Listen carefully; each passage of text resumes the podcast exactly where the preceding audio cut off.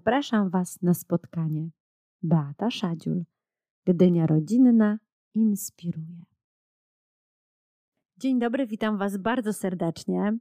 To nasze kolejne spotkanie w ramach tygodnia profilaktyki uzależnień. Tym razem będziemy rozmawiali o takim temacie, jakby wycinku tematu, y, y, o świecie internetu, ale takim związanym z grami komputerowymi i takim trochę związanym ze światem rodzic-dziecko. E, no ale zaraz o tym opowiemy, zaraz sobie o tym porozmawiamy. Na razie poproszę mojego gościa o przedstawienie się. Oczywiście. Ja się nazywam Piotr Krzywdziński. E, z wykształcenia jestem socjologiem, absolwentem Uniwersytetu Gdańskiego. Jeżeli chodzi o zainteresowania, to głównie e, interesuje mnie to, w jaki sposób gry wideo są obecne w naszym życiu codziennym i w naszym życiu kulturowym. Tutaj e, realizowałem m.in. z Piotrem Prusinowskim projekt badawczy sfinansowany przez Uniwersytet Gdański, którego efektem było powstanie monografii Cyfrowa Miłość, romansy w grach wideo, no ale też mam na koncie kilka innych tekstów dotyczących m.in. gier, wideo, kultury popularnej. No też prowadzę szkolenia m.in. dla nauczycieli dotyczących interakcji dziecka z nowymi mediami, z rodzajami ekranowymi. No i właściwie chyba wystarczy na początek. No, wydaje się, że jesteś ekspertem e, w, w takiej dziedzinie e, świata, który, e, który wydaje się być światem równoległym. Czytałam w charakterach bardzo fajny, taki krótki artykuł na temat tego, że Amerykanie zrobili badanie, że te gry komputerowe, ten świat grania w gry, szczególnie te takie opisowe, te takie o, życio, jakby o życiu w, jakby w świecie gdzieś tam e, w tym małym czarnym pudełku na naszym biurku, e, że one nie są wcale tak do końca złe i to nie jest tak, że to jest świat, w którym przepadamy i on nam nic zupełnie nie daje w życiu. To były badania, które dotyczyły młodych osób, młodzieży, która zatraca się w tych grach. Ale mimo wszystko jest to przestrzeń, gdzie młody człowiek może nauczyć się pewnych kompetencji, które są mu potrzebne potem w życiu. Bardzo mnie to oczywiście zaciekawiło to, e, ten artykuł, bo powiem szczerze, chciałabym zacząć tę rozmowę od tego, że my jako dorośli ludzie, którzy mamy dzieci tam w tym wieku takim, nie wiem, 8, 7 plus, tak, bo to są te pierwsze starty w ten świat gier komputerowych, dla nas jest to niemalże zero-jedynkowa sprawa. My jako dzieci pamiętamy, że się grało w jakieś riverridy, gdzieś tam to są takie proste gry, które tam się długo się czekało, żeby one się wgrały, chwilę się w to graliśmy. A dzisiaj te dzieci naprawdę potrafią po 5-6 godzin dziennie gdzieś tam e, grać. Więc dla nas de facto mam takie wrażenie, to jest taki świat od początku zły. I dopiero możemy się doszukać w nim jakichś e, dobrych, dobrych rzeczy taka pierwsza refleksja. Jak to jest z tym światem gier cyfrowych? Znaczy ja lubię używać przy, jeżeli dostaję to pytanie, tak, to lubię używać takiej analogii, że gry wideo, czy, czy w ogóle szerzej nowe media, tak naprawdę w naszym życiu są pewnymi narzędziami, tak? I lubię używać analogii z wiertarką, że tak jak wiertarka sama w sobie nie jest zła, natomiast może być niebezpieczna e, w rękach osoby, która jest nieprzygotowana do tego, żeby z niej korzystać. No i musimy pamiętać, że w tym ujęciu gry wideo są niczym innym jak po prostu jednymi z tekstów kultury.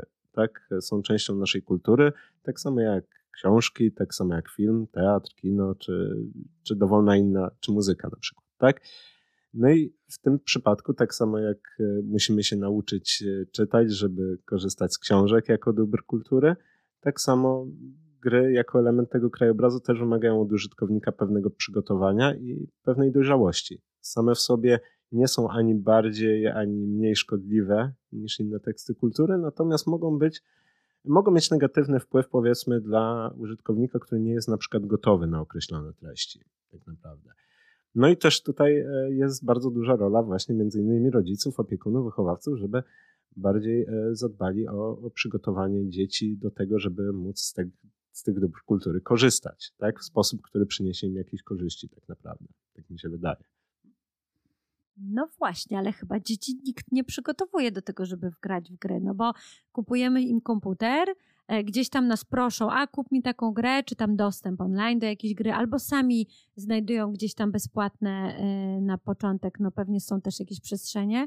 No, czy ktoś się ich uczy? Raczej jako rodzic nagle podglądamy dziecko z zaramienia, że ono gdzieś tam gra, jak wygląda, jak my jako rodzice e, tacy, którzy się w ogóle nie znamy na tym, e, a widzimy, że dziecko sięga, interesuje, ciągnie je w ten, do tego świata. Jak, jak się zachować? Znaczy myślę, że tutaj e, jest już ktoś, kto w pewnym sensie na to pytanie odpowiedział.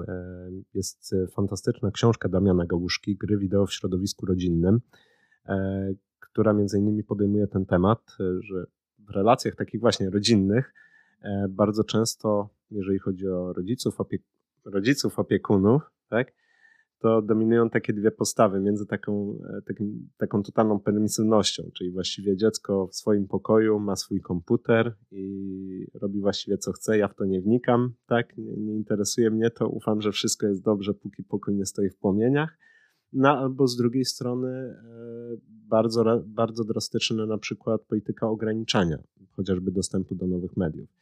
Przy czym u obu tych postaw tak naprawdę leżą określone wiedza, umiejętności i kompetencje też samych rodziców tak naprawdę, tak? E, bardzo często ta taka postawa pełnego przyzwolenia, tak? Nie obchodzi mnie to, póki wszystko jest dobrze i się dobrze uczy, to, to ja w to nie wnikam, też jest związana z tym, że rodzice mają często na przykład wątpliwości co do swoich kompetencji, co do możliwości na przykład zrozumienia tego świata gier wideo, tak? To z jednej strony, albo z drugiej nie wydaje on im się na tyle wartościowy, żeby y, zgłębić to zagadnienie. Co jest bardzo dużym problemem tak naprawdę, dlatego że uważam, że negując wartość tych zainteresowań naszego dziecka, bo przecież dla niego to może być bardzo ważna część jego życia, tak? ważna część na przykład jego uczestnictwa w kulturze, temat, który porusza na przykład z rówieśnikami tak naprawdę.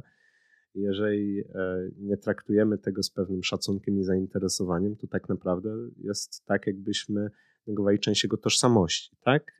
Nie zbywamy to tak naprawdę. Jest, co dla niego jest przecież bardzo ważne w jego życiu, tak naprawdę. No a z drugiej strony ta nazwijmy to polityka bardzo silnych restrykcji, też jest często podyktowana e, być może nieuzasadnionymi obawami tak naprawdę. Nie znam, boję się, więc może dla bezpieczeństwa zabronię w ogóle kontaktu z jakimikolwiek e, nowymi mediami, tak? Może lepiej, żeby komputer stał w salonie, żeby dziecko samo nie mogło z niego korzystać bez nadzoru.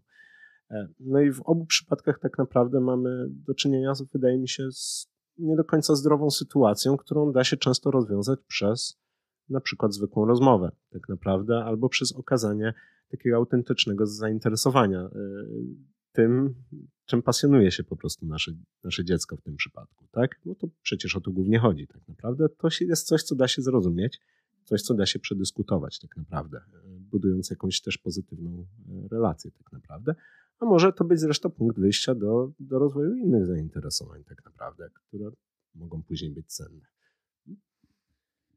No dobrze, to w takim razie e, e, ciekawi mnie z e, Twojego punktu widzenia, mm, co w tym świecie gier jest wartościowe dla tych dzieci, które się decydują poświęcić północy tak? W to, żeby gdzieś tam e, nawiązać te e, rozgrywki, budować domy, chodzić na walki. Co jest w tym świecie takiego, co może nam, naszym dzieciom coś dać? Znaczy myślę, że odpowiedź tutaj nie będzie szczególnie zaskakująca. Tak naprawdę jest podobna do tego, e, co nam daje oglądanie ulubionego serialu albo czytanie naszej ulubionej książki, tak? Naszego wybranego autora tak naprawdę. Przede wszystkim, jeżeli chodzi o gry wideo, to one w dużej części są źródłem rozrywki, tak? To znaczy oferują nam miły i przyjemny sposób spędzenia czasu, co samo w sobie jest pewną wartością tak naprawdę dla większości z nas. I sami przecież takim aktywnościom się oddajemy, niekoniecznie z użyciem komputera czy telefonu, ale, ale w inny sposób tak naprawdę. No ale musimy pamiętać, że jak wspomnieliśmy wcześniej, tak, jeżeli gry wideo są tekstami kultury, to zawierają też często wartościowe, interesujące na przykład opowieści wiele, wiele gier powiedzmy bazuje na przykład na dziełach literatury czy, czy filmu. Niekoniecznie są wprost adaptacjami, ale jakiegoś e, rodzaju reinterpretacjami tak na przykład tego. I, I w tym sensie mają do przekazania też opowieści, które są bardzo istotne, tak? Mają bohaterów, którzy mogą nam się wydać interesujący, z którymi zaczyna nas wiązać jakaś relacja emocjonalna, do których się przy, przywiązujemy. Tak samo jak przywiązujemy się na przykład do bohaterów ulubionego serialu, tak? Które oglądamy. Tutaj nie ma zasadniczej różnicy, jak sądzę. Tak? Natomiast osobną kwestią jest to, że z gier wideo też mogą wynikać e, pewne pożytki bardziej praktycznej natury. Tak? E, ja nie ukrywam, że na przykład zainteresowanie grami wideo w swoim czasie, w moim wieku szkolnym, bardzo pomogło mi przykładowo w nauce języka angielskiego. To jest umiejętność, z której korzystam do dzisiaj. Co prawda były to nieco inne czasy, więc gry wideo w języku polskim były zdecydowanie mniej dostępne, więc siłą rzeczy musiałem się nauczyć, co tam się w tych, tych grach dzieje, ale do dzisiaj bardzo wiele, e, bardzo wielu graczy na przykład celowo korzysta z gier w języku angielskim, na przykład przy okazji szlifując swoją e, znajomość języka. Mamy gry, które bazują na wydarzeniach historycznych, tak, z których można czerpać wiedzę dotyczącą historii, geografii czy, czy całego spektrum innych rzeczy. Ja zawsze podaję taki bardzo fajny przykład. Jest taka gra, która y, była wydana na kilka platform, między innymi na, na konsole, na, na komputery. Osobiste Paddle, przepraszam, Paddle, która jest grą, która w samej zasadzie opowiada o fizyce płynów. Mianowicie jedyne, co gracz robi, to obraca ekran tak naprawdę i stara się e, przeprowadzić jakąś odrobinę płynu. To może być woda, olej, z jednego miejsca do drugiego. Plansze zbudowane są tak, żeby pokazać, w jaki sposób różne substancje zachowują się w różnym otoczeniu, na przykład jak reagują na ogień, jak wysychają na słońcu i tak dalej. I musimy w taki sposób tym płynem sterować, żeby on rzeczywiście naszą trasę pokonał. To jest bardzo prosta gra, którą można właściwie bez ograniczeń dać dziecku, a jednak gdzieś tam mimowolnie tak naprawdę nabywa ono jakiejś podstawowych, podstawowej wiedzy z zakresu na przykład fizyki. Tak? Coś, co jest bardzo mało oczywiste na początku, jak patrzymy na tę grę, ale jak zastanowimy się nad tym dłużej, to okazuje się, że rzeczywiście takie informacje można sobie mimowolnie, nawet nie, nie będąc tego świadomym, przyswoić po prostu, tak? Nie wiem, czy tutaj jeszcze właściwie coś można by powiedzieć, bo przykładów można wymieniać bardzo dużo tak naprawdę, tak? Od gry bazujące na literaturze siłą rzeczy przybliżają nam postacie literackie, nawet kiedy niekoniecznie musieliśmy je czytać. No ale jeżeli myślimy o takich też praktycznych aspektach, mamy też gry ruchowe, które zakładają aktywność fizyczną tak naprawdę i też niektórzy uważają, że jest to dla nich łatwiejsze niż uprawianie tradycyjnego sportu na przykład, bo nie lubią biegać, ale jak grają na konsoli jakąś grę rytmiczną, która wymaga poruszania się, jest to dla nich na przykład łatwiejsze i przyjemniejsze. No to, to, są te korzyści. Tam chyba jeszcze też można powiedzieć, że jakaś tam współpraca na przykład, bo się gra w grupie, można się z kimś spotkać w tej, w tej przestrzeni gry, prawda? Można się umówić na to, że o jakiejś godzinie się widzimy gdzieś tam na jakiejś platformie gier, prawda? To znaczy, jeżeli chodzi o aspekt współpracy, to jest jakby całkiem, wydaje mi się, osobny aspekt, ale też bardzo ważny tak naprawdę, dlatego że właśnie ostatnie lata tak naprawdę przynoszą bardzo duży rozwój gier sieciowych, które bardzo często właśnie polegają między innymi na, na współpracy, na umiejętnym działaniu w drużynie, ale też stawiają przed graczem bardzo ważne wyzwania z zakresu na przykład rozwiązywania problemów. I to nie jest już tylko rozwiązywanie problemów samemu, ale musimy nauczyć się jakoś działać w grupie, jakoś się komunikować. Czasem na przykład mimo barier językowych czy, czy przekonań musimy się jakoś nauczyć wspólnie działać w jakimś własnym interesie. No ale ja bym zawsze zwracał uwagę na to też, że gry wideo mogą być też e, ciekawym, e, ciekawą formą aktywności, na przykład właśnie w domu rodzinnym, tak naprawdę. I to niekoniecznie musi być gra e, przez sieć z obcymi osobami, ale można, może to być też bardzo ciekawy i przyjemny sposób spędzenia czasu właśnie w gronie rodzinnym. Szczególnie wydaje mi się w takich momentach, jak, jak niestety ostatnie miesiące, tak, czy właściwie ostatni rok, już powinienem powiedzieć, kiedy inne formy aktywności, no niestety musieliśmy bardzo mocno ograniczyć, tak? Nie bez powodu na przykład e, Światowa Organizacja Zdrowia wskazywała na gry wideo jako na e, bezpieczną formę aktywności tak naprawdę w okresie pandemii, tak? Dlatego, że jest to z jednej strony bezpieczne, a z drugiej pozwala nam podtrzymywać kontakty z ludźmi, sam mam znajomych, których z różnych nasze drogi życiowe gdzieś tam się rozeszły tak naprawdę dawno temu, a, a czasem dalej gramy na przykład przez sieć, jeżeli mamy czas.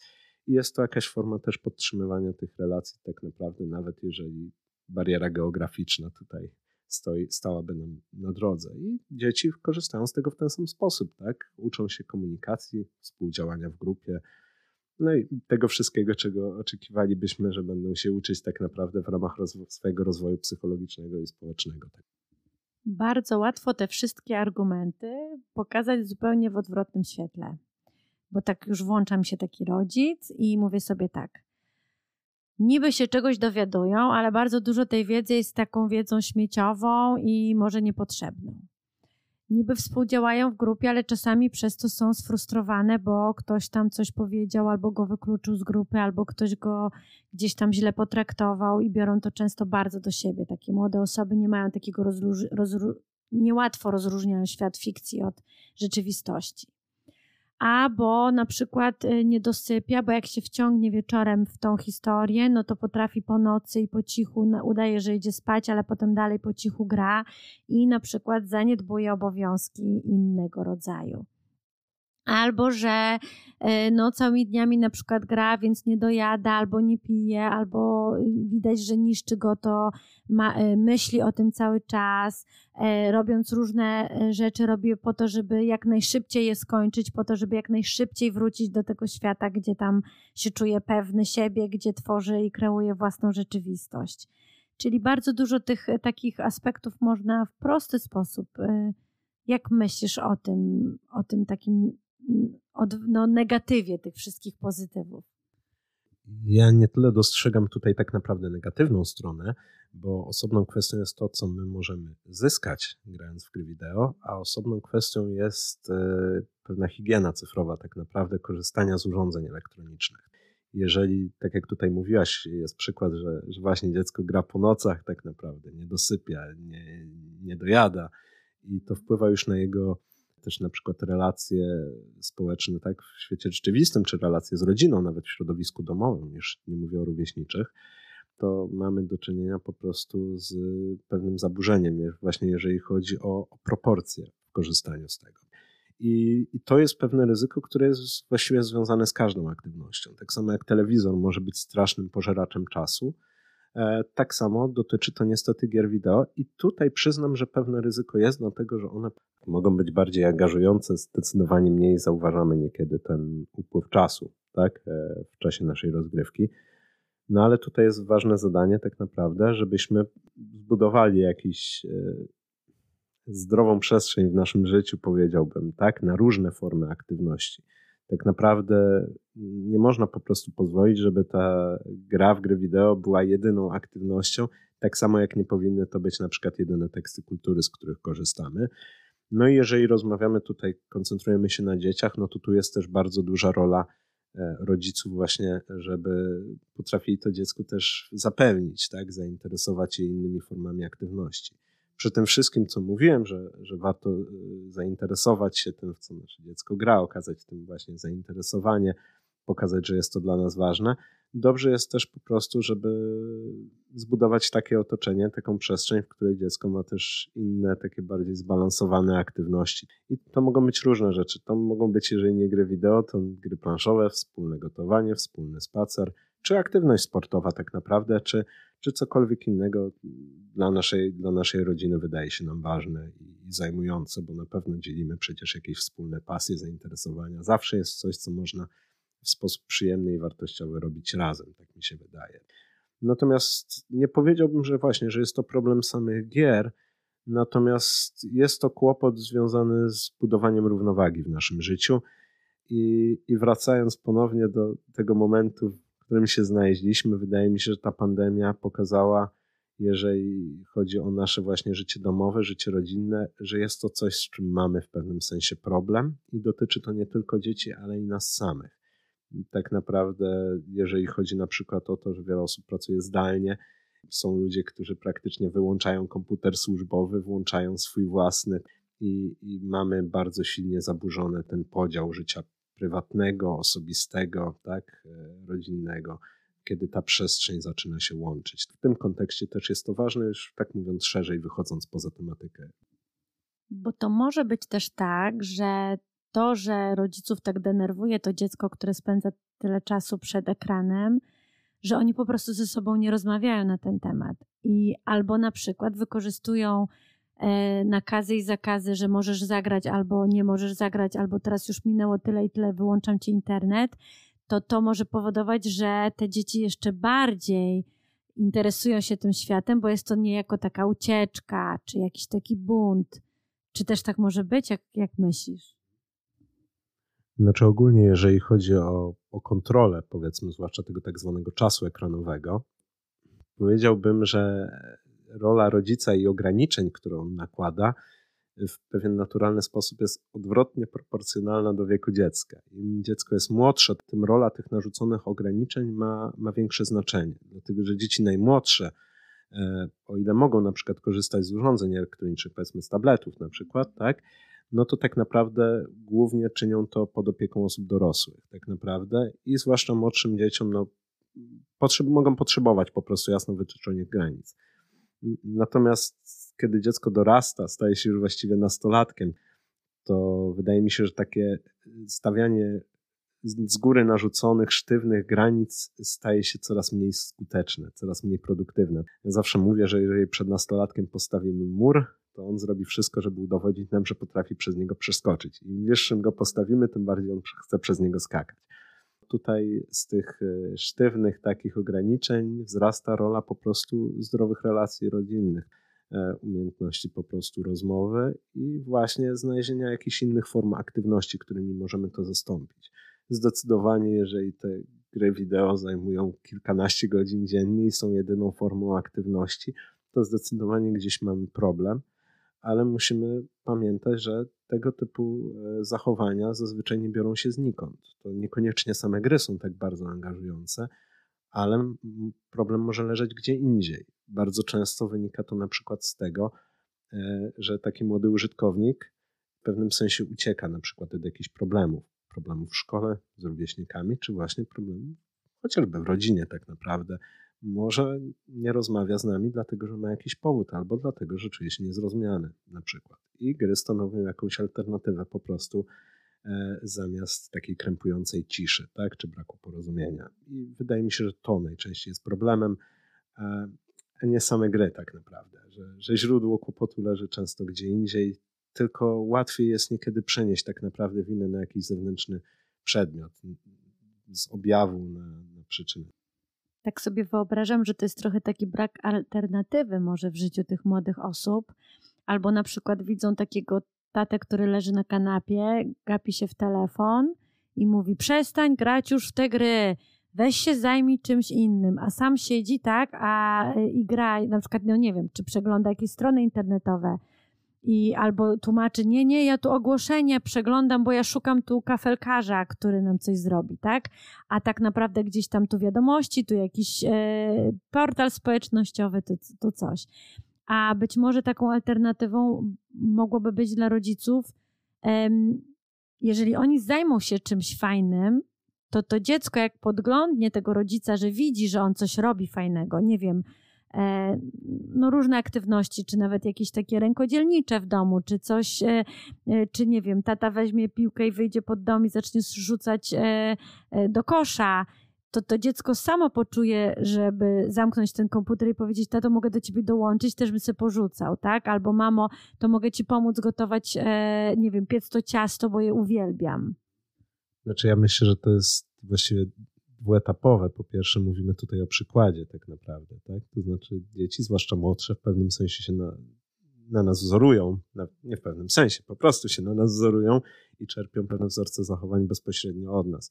I tak jak powiedziałaś, no, jeżeli leżymy cały dzień na tapczanie i oglądamy telewizję, to trochę mało jest przekonujący argument, ruszyłbyś się sprzed tego ekranu i coś porobił. Tak? On ma trochę mniejszą wagę. Tak?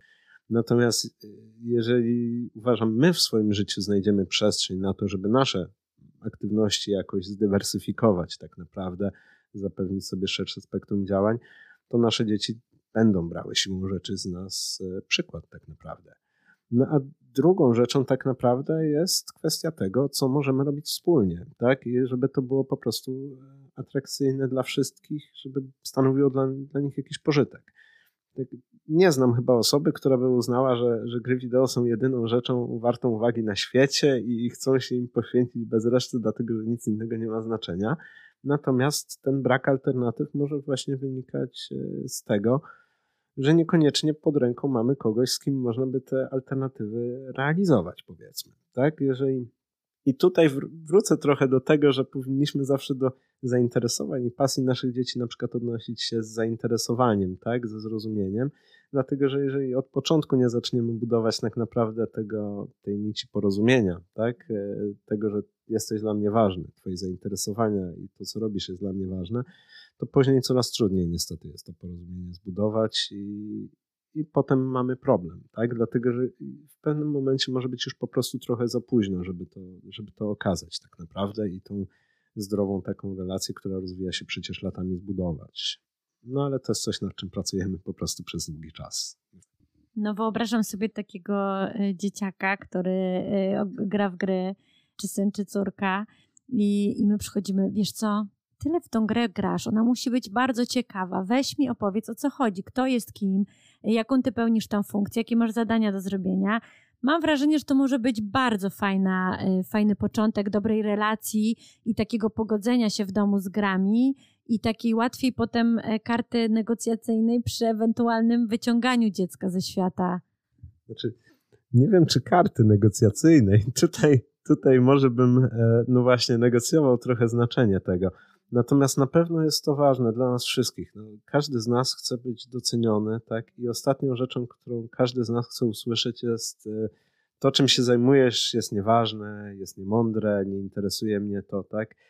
Więc nawet jeżeli nie zawsze nas to interesuje, czasem, czasem lepiej po prostu jest wysłuchać tak naprawdę i porozmawiać a w dłuższej perspektywie to może być też e, dobry punkt wyjścia do tego, żeby na przykład te aktywności dzielić. No bo przyjęło się myśleć taki, to jest według mnie bardzo mylny taki stereotyp, że zwłaszcza osoby z nieco starszego niż moje pokolenia na przykład, to, to one same mówią często, że są, a ja już za stary na to jestem tak naprawdę. No ale w obecnych czasach, kiedy tak naprawdę bogactwo tych różnych produkcji, różnych gier wideo jest tak wielkie, często możemy znaleźć coś dla siebie tak naprawdę i odkryć. Nikt nie jest za stary tak naprawdę na to, żeby to medium odkryć. I to może być naprawdę jakiś sposób na to, żeby na przykład tą więź z naszym dzieckiem zacieśnić.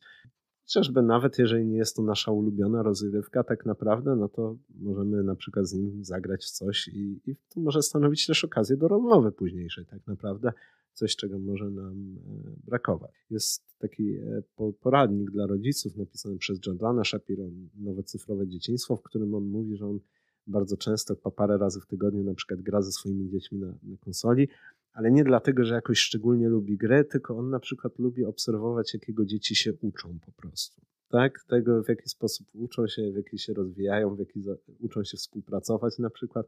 I on zaczął grać z nimi po to, żeby uczestniczyć w tym etapie jego życia.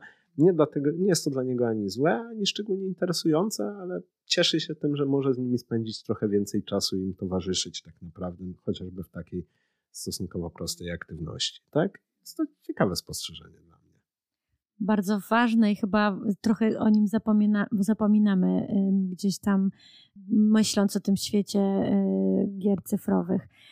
A co złego może spotkać dzieci w świecie gier internetowych i komputerowych? Czy wydaje mi się, że to zależy od tego, co rozumiemy przez, e, przez to, co, co, co to jest coś złego właściwie, tak? To znaczy, jeżeli chodzi o zagrożenia na przykład związane z emocjami, takie emocjonalne czysto, no to wydaje mi się, że największe ryzyko niestety leży tam, gdzie leży nasz największy potencjał, czyli w życiu społecznym. Tak? Tam tak naprawdę prawdopodobnie najwięcej krzywdy mogą nam niekiedy wyrządzić inni użytkownicy tak naprawdę. Jeżeli gra jest sieciowa, no to spotykamy się z tymi wszystkimi zagrożeniami, z którymi spotykamy się w życiu codziennym, czyli na przykład z nietolerancją, z agresją, tak, czy słowną, tak emocjonalną, tak naprawdę. I to jest niestety zawsze pewne zagrożenie. E, no tutaj po raz kolejny niestety pojawia się rola opiekunów, żeby też pomogli tak naprawdę w takich trudnych chwilach dziecku, dlatego że jeżeli gry dla niego są ważne, to na przykład ludzie, z którymi gra też mogą być dla niego ważne. Tak? I niestety na przykład właśnie jakieś spotkanie się z aktem nienawiści, tak przemocy słownej może być dla niego czymś ciężkim. No tak samo jak właśnie na przykład w szkole, tak? E, I tutaj no niestety musimy być gotowi udzielić też pewnego wsparcia emocjonalnego. I to jest zdecydowanie pewne ryzyko. Natomiast uważam, że to jest tak naprawdę najważniejsze, bo, bo z wszystkim innym można sobie jakoś poradzić tak naprawdę, tak? Natomiast y, no właśnie z takim krzywdą emocjonalną to jest coś, co przeżywamy prawdopodobnie najtrudniej. Paradoksalnie, w mojej opinii, e, rodzice najbardziej boją się treści, które są prezentowane w grach, tak? Boją się tego, że te gry są tak bardzo pełne przemocy, czy, czy używania złego języka.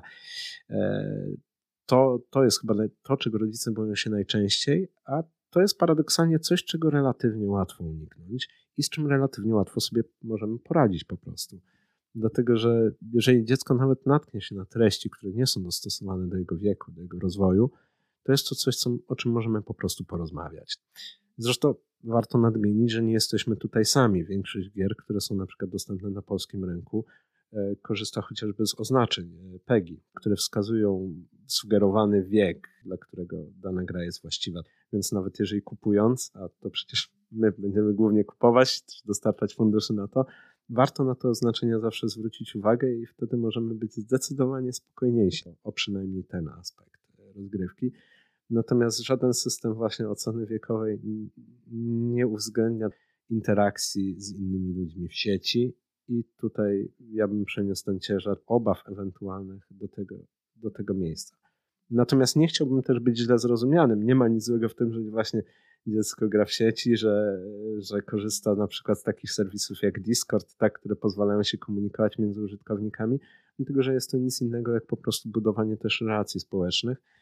A my nie jesteśmy niestety w stanie zbudować takiego w 100% szczelnego klosza, który po prostu każde dziecko ochroni przed każdym zagrożeniem na świecie. Możemy natomiast pomóc mu w radzeniu sobie z negatywnymi emocjami, ze smutkiem, z żalem, z, z gniewem na przykład. To możemy zrobić i to jest szczególnie ważne. No tak pewnie powoli będziemy zmierzać ku końcowi w tej naszej rozmowie, ale może tak podsumowując, jakieś takie słowa um, wsparcia i otuchy dla rodziców, którzy o jęku, chciałbym, żeby mniej tam grał w tym, to takie dla mnie jest mimo wszystko jakieś bez wartości może. Myślę, że to jest bardzo częste wśród rodziców takie podejście do tych gier. E, ono się wie, wie, powiela, a pewnie spotykasz się gdzieś tam z młodzieżą i słyszysz, jak oni narzekają trochę na to, że ci rodzice przeszkadzają. Co możemy tak podsumowując tą relację rodzic, dziecko, świat y, internetu, gier powiedzieć gdzieś, uporządkując to? Znaczy, wydaje mi się, że kluczowym, kluczowym tutaj słowem będzie tak naprawdę wzajemne zrozumienie, które jest szczególnie potrzebne. To znaczy, zawsze różnice międzypokoleniowe są trudne. Nie wiem, czy istniało kiedyś e, pokolenie, które nie narzekało na osoby młodsze i nie wiem, czy istniało, istniała kiedyś młodzież, która nie narzekała na pokolenie swoich rodziców. I tego raczej nie unikniemy. No, taki już jest chyba porządek świata. Natomiast możemy zawsze postarać się wyjść trochę z tej e, trochę bańki naszych przekonań i postarać się po prostu zrozumieć e, i okazać zainteresowanie właśnie postawą drugiej strony dla każdego pokolenia coś innego jest ważne i nie jest dla mnie na przykład niczym dziwnym, że rodzice są w pewnym sensie zaniepokojeni przez grę.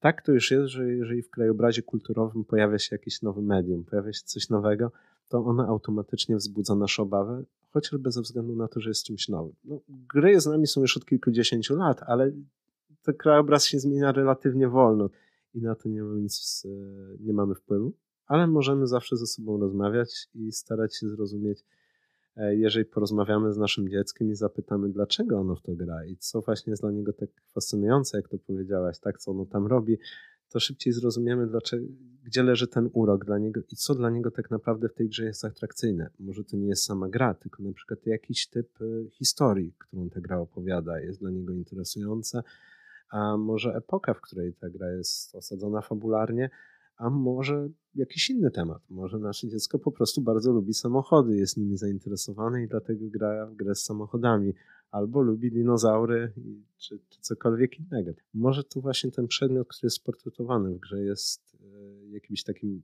ogniwem, wokół którego mogą się te nasze wspólne zainteresowania połączyć. I warto na to szczególnie zwrócić uwagę, jak sądzę. No a drugą kwestią jest to, co wspominaliśmy, jeżeli chodzi o tą higienę właśnie cyfrową, żeby znaleźć w naszym życiu takie miejsce na balansowanie różnymi aktywnościami, zapewnienie sobie różnych doznań, różnych sposobów spędzania czasu, tak, żeby to wszystko nie znawało się w jedno niekończące się e, godziny patrzenia się w jeden, czy drugi, czy trzeci ekran tak naprawdę, tak? Jeżeli się do tego stosujemy, uważam, że medium samo w sobie jest bezpieczne i bardzo wartościowe tak naprawdę, tak jak rozmawialiśmy, pod warunkiem ponownie, że umiejętnie z niego korzystamy. No i chyba możemy powiedzieć, żeby rodzice się jednak nie bali mówić nie, ale żeby to nie było nie, bo nie, bo tak zdecydowałam, bo tak sobie teraz sobie wymyśliłam, czy wymyśliłem, tylko właśnie nie, bo to jest gra, zobacz, tu jest specjalne oznakowanie. Ktoś się zastanowił, w jakim wieku dzieci mogą grać tą grę. Nie chcę, żebyś grał jeszcze w tą grę, prawdopodobnie nie jesteś jeszcze gotowy. Poszukaj takiej, która jest dostosowana do Twojego wieku. Albo nie chcę, żebyś grał w tą grę, bo ja uważam, że jest w niej zbyt dużo przemocy, a chciałabym bardzo, żebyś unikał takich sytuacji, bo potem widzia, widzę, że potem jesteś zdenerwowany, e, jesteś zemocjonowany, masz kłopot z zaśnięciem, może jesteś jeszcze niegotowy. Czyli żeby, e, żeby to było tak, że za tym nie idzie jednak jakaś taka dorosła troska i e, jakaś taka rzetelna rozmowa z dzieckiem, czym podszyta jest moja obawa ja zgadzam się z Tobą w całej rozciągłości, natomiast uzupełniłbym to, że to, to nie niekoniecznie musi być nie paradoksalnie tutaj. To znaczy, jeżeli obawiamy się właśnie o to, że ta e, gra, e, którą dziecko jest zainteresowane, na przykład ma właśnie kategorię wiekową nie do końca odpowiednią, powiedzmy, dzięki temu, że to medium jest tak bogate i tak obszerne i się rozrasta ciągle, możemy bardzo często znaleźć inną produkcję, która będzie już dostosowana do tego wieku, tak? A która będzie odpowiadać zainteresowaniom naszego dziecka, tak? Jeżeli ono interesuje się właśnie określonym typem rozgrywki tak naprawdę, albo epoką, jak mówiliśmy, w której, czy światem po prostu, w którym ta gra jest osadzona, możemy mu zaproponować alternatywy. I tutaj trochę się nie zgodzę, że musimy mówić znajdź jakąś inną, bo możemy mu po prostu pomóc szukać. I tutaj szczęśliwie internet jest dosyć dobrym narzędziem do tego, dlatego że istnieją serwisy, które na przykład wylistowują tak różne pozycje i możemy pomóc efektywnie w tych poszukiwaniach tak naprawdę z naszymi umiejętnościami i zaproponować po prostu alternatywy. Więc to nie, nie zawsze musi być nie. Może być po prostu czasem zaprezentowaniem jakiejś zdrowej, ciekawej alternatywy, dzięki czemu obie strony będą szczęśliwe i tak z, jak z radością przyjmiemy y, prośbę dziecka, chodź ze mną do biblioteki wybrać jakąś książkę, to tak samo z radością przyjm, przyjmijmy taką propozycję dziecka, chodź ze mną do sklepu z grami, pomóż mi wybrać fajną grę. Prawda? Dokładnie, wydaje mi się, że, że dokładnie tak jest. A jak mówię, no, moim marzeniem jest taka sytuacja, w której oboje znajdziemy coś dla siebie i, i to byłaby idealna sytuacja. No to już będziemy kończyć nasze spotkanie. A tak ze swojej strony podsumowując, wyniosłam jakby taką em, refleksję, że strach ma wielkie oczy, że czasami boimy się na zapas, że czasami wydaje nam się, że coś jest gorsze niż jest w rzeczywistości, a tylko dlatego, że boimy się zapytać. A że to jest po prostu rzeczywistość, w której wyrosły nasze dzieci, która jest trochę inna od naszej, e, jest ta różnica międzypokoleniowa i po prostu bądźmy, dajmy sobie więcej zaufania w tej kwestii i, i to być może pomoże nam przejść ten moment i rzeczywiście e, wyposażyć nasze dzieci w rzeczywiste umiejętności, które potem wykorzystają w swojej pracy zawodowej, w swoim wyborze rozwoju zawodowego, bo dzięki temu może jakaś pasja się w nich rozwinie, która, którą będą chciały, e, nie wiem, studiować, rozwijać i jakby zbudować na niej swoje życie zawodowe. A może pomoże, pomoże im to właśnie w relacji prawdziwym życiu, z grupą rówieśniczą w szkole, w nawiązaniu relacji partnerskich. Myślę, że jeżeli e, otworzymy się troszeczkę na to i bardziej zaufamy temu światu, będzie nam po prostu łatwiej. E, to jeszcze jakieś jedno słowo podsumowania, Piotrze, od ciebie. Znaczy ja również mam taką nadzieję, że, że to jakoś nam pomoże wszystkim trochę to, to otwarcie.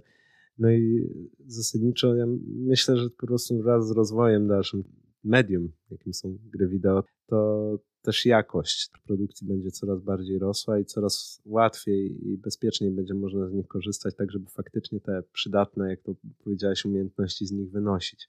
Czytałem kiedyś wywiad z jednym z deweloperów, który zrobił grę o tańcu na przykład i mówił, że nie ma dnia, żeby nie dostał maila od któregoś z rodziców, że jego dziecko grało w tą grę i zapisało się na przykład na kursy tańca. Więc wydaje mi się, że ta, ta zależność tak naprawdę między budzeniem różnych zainteresowań zewnętrznych wobec gier będzie się tylko rozwijała. wydaje mi się, że czasem lepiej po prostu być troszkę spokojniejszym tak naprawdę i, i nie wpadać w panikę, dopóki, dopóki nie ma ku temu takich realnych e, przesłanek. No, jeszcze taka myśl mi jedna wpadła w głowę, że żywię też nadzieję, że e, w tym świecie internetowym też jest coraz więcej osób, które e, tworzą narzędzia, które chronią nasze dzieci mimo wszystko. I że jeżeli będą powstawały gry, które okaże się, że mogą robić w jakiś sposób krzywdę naszym dzieciom, to gdzieś tam te programy komputerowe będą wyłapywały i będą gdzieś tam e, zgłaszały takie nieprawidłowości i takie niepożądane skutki takiej takich gier, takiego, nie wiem, systemów gdzieś tam e, w internecie, czy które szpiegują, czy podglądają. I, i no bardzo, bardzo wierzę w to, że, że tutaj też w tej kwestii się bardzo dużo dzieje w internecie. Jeżeli mogę Ci od razu odpowiedzieć, to jeżeli chodzi o gry wideo, to to się dzieje już i to od dość długiego czasu, to znaczy coraz większa liczba produkcji, na przykład takich sieciowych, umożliwiających rozgrywkę online, na przykład ma wbudowane automatyczne systemy, które na przykład monitorują czat w grze, tak, okna dialogowe i na przykład filtrują właściwy język. Często jest to zautomatyzowane do tego stopnia tak naprawdę, że jeżeli ktoś notorycznie próbuje coś napisać, to nie tylko gra mu to uniemożliwia, ale może się spotkać też z restrykcjami określonymi, na przykład w ogóle zablokowanymi funkcjami e, komunikacyjnymi. No i też trzeba pamiętać, że większość w ogóle gier sieciowych ma takie czy inne e, systemy wyłapywania tej toksycznej części społeczności, czy to na podstawie na przykład raportów ze strony innych użytkowników. Tak? Jeżeli gramy mecz, tak, jakiejś grze sieciowej na przykład, ktoś był no, wyjątkowo negatywnymi zachowaniami, powiedzmy się, wykazał, możemy zazwyczaj zrobić zgłoszenie i te systemy są już praktycznie zautomatyzowane, odpowiednia liczba zgłoszeń i nasz gracz sobie nie pogra dłużej tak naprawdę, albo przynajmniej będzie miał ograniczone możliwości komunikacyjne. Więc tego typu rozwiązania technologiczne są wprowadzane już od paru lat. Nie są jeszcze doskonałe, ale rzeczywiście się rozwijają, więc w pewnym sensie jest coraz bezpieczniej. Przynajmniej w tym zakresie, w jakim da się to zrobić w taki zautomatyzowany sposób. Bardzo się cieszę, że nam się to przypomniało, bo to jest bardzo dobra wiadomość. To dziękujemy Wam bardzo za spotkanie. Bawcie się dobrze, po prostu. Do usłyszenia. Do widzenia.